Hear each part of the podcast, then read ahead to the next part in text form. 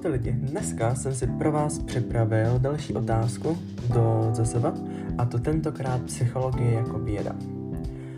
Na začátek si něco řekneme k samotné psychologii, rozdělíme, co je to chování a prožívání, dále se posuneme k psychologickým oborům, že jsou teoretické a praktické, poté něco řeknu metodám psychologického výzkumu, že například roz, rozhovor, pozorování. Přesuneme se poté k dějinám psychologie, které rozdělíme na předvědecké a vědecké období.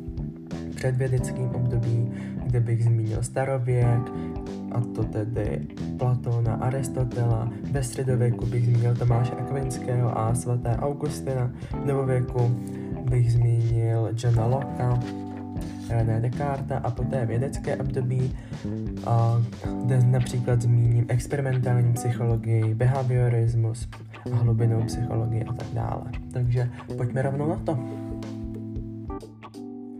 Takže psychologie je to empirická, přírodně společenská věda o psychice člověka. Geneze slova psychologie z řeštiny psyché, duše a logos, věda. Zabývá se lidským prožíváním a chováním. Prožívání je nějaký soubor vnitřních projevů, které mohou být buď to vědomé a nevědomé, a chováním, což je soubor vnějších projevů, které může být buď to expresivní nebo adaptivní. Expresivní chování dáváme najevo to, co prožíváme uvnitř, a adaptivní chování, opak expresivního, nedáváme najevo své pocity. Přesuneme se tedy k psychologickým oborům, které tedy bych rozdělil na teoretické neboli základní a praktické neboli aplikované. Do teoretických bych zaradil obecnou psychologii, základní pojmy, například motiv, frustrace, psychologie osobnosti, vývoj osobnosti jako jedince, odlišnosti mezi lidmi, sociální psychologie, vztahy ve skupinách, vývojová psychologie neboli ontogenetická od narození po smrt, psychopatologie, psychické poruchy, dále praktické aplikované tam bych zařadil poradenskou psychologii, což pomáhá člověku orientovat se v obtížných životních situacích, různá poradenství, například manželské nebo pedagogicko-psychologická poradna a vojenská psychologie, dále také klinická psychologie, což je diagnostika duševních poruch a chorob. Forenzní psychologie je u soudu, věnuje se studii zločinnosti či psychologii pachatelů trestných činů farmakopsychologie, vliv chemických látek na duševní činnost, prožívání a chování, psychometrie, měření duševních jevů, například mentální výkonnosti, a například dále psychologie práce, sportu nebo umění.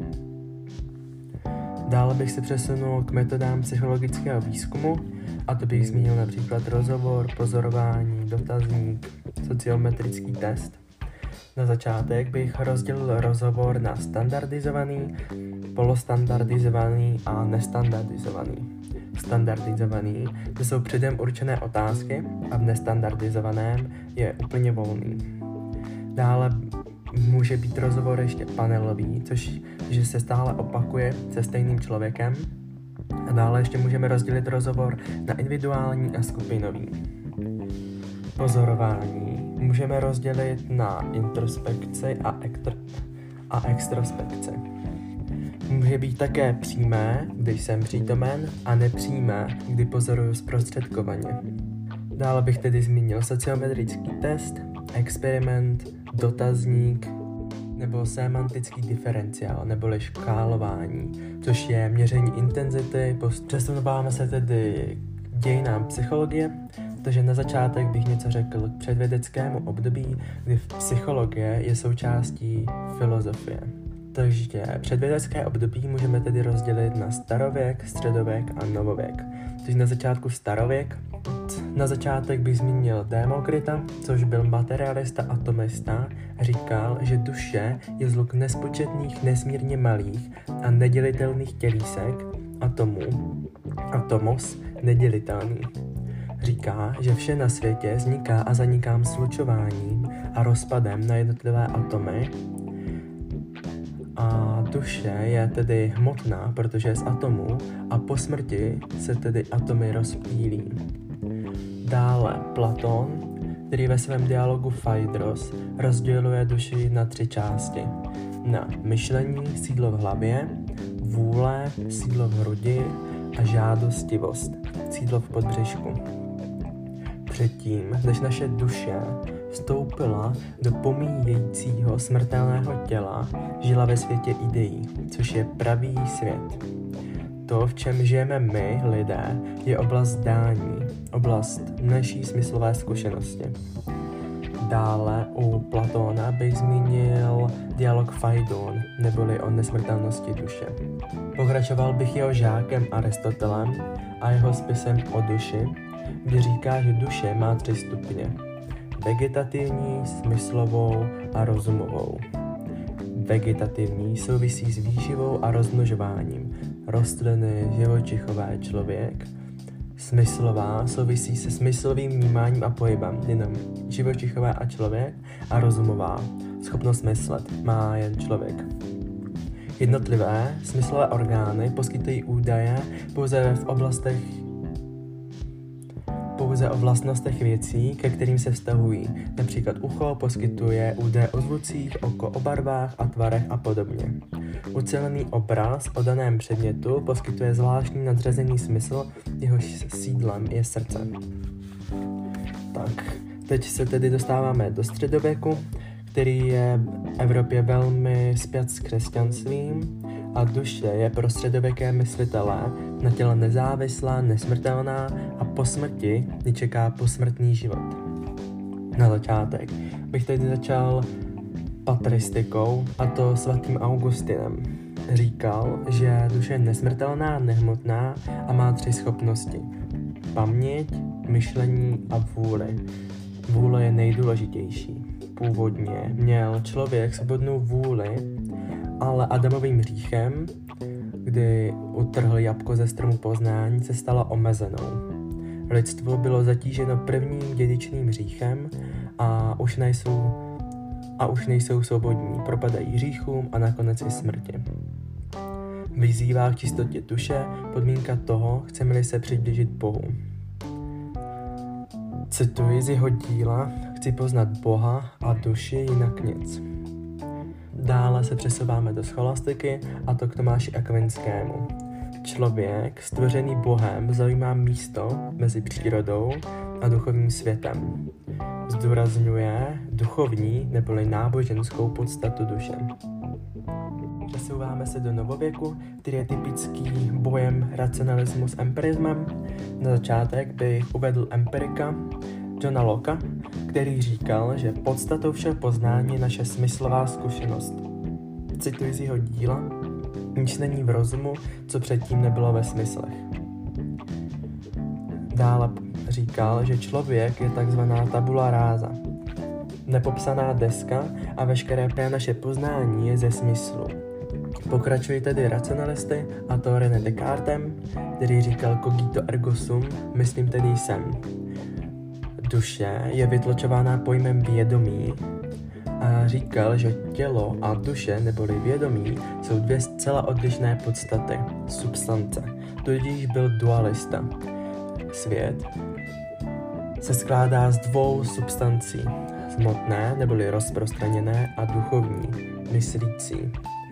A poté bych ještě zmínil Gottfrieda Wilhelma Leibnice, což byl racionalista, pluralista, a říkal, že existuje nekonečné množství substancí, takzvaných monád, tvoří základ světa. Duchovní podstaty stvořené Bohem jsou věčné a nezničitelné a jejich nekonečné množství. Přesouváme se k vědeckému období a na začátek bych vyjmenoval obory, tedy experimentální psychologie, behaviorismus, hlubiná psychologie, tvarová psychologie neboli gestaltismus, humanistická psychologie, kognitivní psychologie a transpersonální psychologie. Na začátek bych tedy něco řekl experimentální psychologii. Zmínil bych zde Wilhelma Wundta, což byl Němec, který roku 1879 založil první experimentální laboratoř v Lipsku, kde zkoumal elementy lidské psychiky metodou introspekce, sebepozorování. Od tohoto data datujeme psychologii jako směr. Dále bych zmínil Hermana Ebbinghausera, který dělal pokusy s pamětí a zmínil bych jeho Ebbinghausovu křivku zapomínání, která vysvětluje, že nejvíce zapomeneme v průběhu prvního dne. A ze 100% vědomostí na 60% se, po, se posuneme za 19 minut. Poté bych zmínil behaviorismus, který říká, že chování lze vědecky zkoumat bez odkazu na vnitřní duševní stavy. Zmínil bych zde Johna Watsona, který kritizoval introspekci, zabýval se chováním, jeho pozorováním a analýzou a říkal, že chování je reakce na podněty, neuznává vrozené psychické dispozice.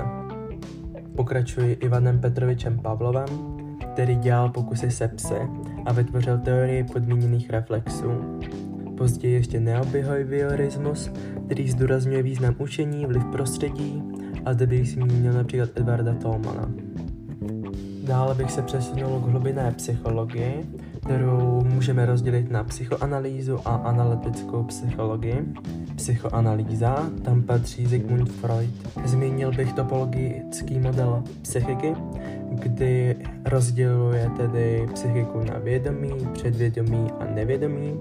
Vědomí, kde prožívám a uvědomuji si to, předvědomí, jsou to myšlenky, city, zážitky, které člověk zapomněl, ale může si ještě na ně vzpomenout a nevědomí, toto si neuvědomujeme. Dále rozdělil strukturu osobnosti na it, neboli ono, ego, neboli já a superego, neboli nad já. It, ono, je, je souhrn pudu a instinktů a vzniká zde tenze, napětí, ventilace, sny, kreativní činnost, dále ego, já a superego nad já, což je souhrn pravidel očekávání. Také popsal vývoj osobnosti do pěti stádií podle toho, jak dosahujeme slasti. Za prvé narození dítěte, slast příjmem potravy a je to tedy batole a nazýváme to orální stádium. Dále malé dítě, slast se spontánním vyprazňováním střev a nazýváme to anální stádium a je to tedy kojenec. 4 až 6 let slast při proskoumávání genitální oblasti, falické stádium, je to tedy předškolní věk a kdybych zmínil Oidipův a elektřin komplex, Oidipův komplex znamená zhlédnutí syna v matce a elektřin dcery v otci. 6 až 11 let stádium latence, mladší školní věk, a 11 až 12 let puberta, genitální stádium. Zmínil bych zde pojem libido, neboli sexuální pohnutka. A člověk je nucen potlačovat touhy do nevědomí a vznikají zde úchylky a neurózy.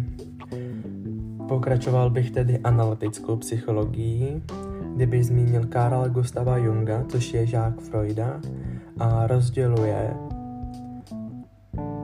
osobnost na vědomí, nevědomí, introverzi, extroverzi. Dále říkal, že existuje osobní a kolektivní nevědomí, osobní, minulé události jedince a kolektivní nevědomí. Dědictví po našich předcích uchovává se v mýtech a pověstech, tvořenými takzvanými archetypy například matka země, muž živitel rodiny nebo moudrý stařec. Dále bych pokračoval tvarovou psychologií neboli gestalcismem. Ti přichází ze zákony, kterými vysvětlují způsob, jakým lidé vnímají, například zákon blízkosti, zákon podobnosti, zákon dokonalé křivky. Říkají, že celek je více než suma částí tedy zkoumá psychologii jako celek, všechny vlivy a podněty, Zmínil bych zde například Maxe Bettermajera nebo Wolfganga Kellera. Humanistická psychologie vychází z pragmatismu a má velký důr a dává velký důraz na terapii. Zdůrazňuje tvořivost osobnosti s lidskou osobností nelze manipulovat podle předem daného programu. Zmínil bych zde Abrahama Maslowa a Karla Rogersa. U Maslova bych zmínil Maslovu pyramidu potřeb. Budu to tedy vyjmenovávat spodu nahoru. Na začátku základna jsou základní tělesné fyziologické potřeby, poté potřeba bezpečí a jistoty, potřeba lásky přijetí, potřeba uznání, úcty a potřeba seberealizace. Pokračoval bych kognitivní psychologii, to jsou, kde jsou důležité poznávací procesy a zmínil bych zde Žána Piageta, který se zabýval studiem dětského myšlení. Vývoj chápání člověka rozdělil do čtyřech stádií. Děti do dvou let získávají informace pomocí smyslu, děti od dvou do sedmi let skrze řeč, děti od 7 do 12 let informace chápání počtu a od 12 let informace skrze logické myšlení, abstraktní pojmy, dále rozdělil dvě stádia morálního vývoje, a to heteronomní a autonomní. Heteronomní do 13 let řídí se pravidly a autonomní, kdy jsou pravidla přijatá a člověk odpovědný a člověk je odpovědný sám sobě. A na závěr bych zmínil transpersonální psychologii, kdy se zabývaly mimořádnými změnami stavy vědomí, navozovány mytickými praktikami, meditací, drogami. Zmínil bych zde Tanislava Grofa, což byl americký psycholog českého původu a zkoumal změněné a zkoumal změněné stavy vědomí a využíval experimenty a psychotropní látky, LSD, hypnózu. A to je tedy pro dnešek vše. Snad vám to k něčemu bylo a neposerte se z toho.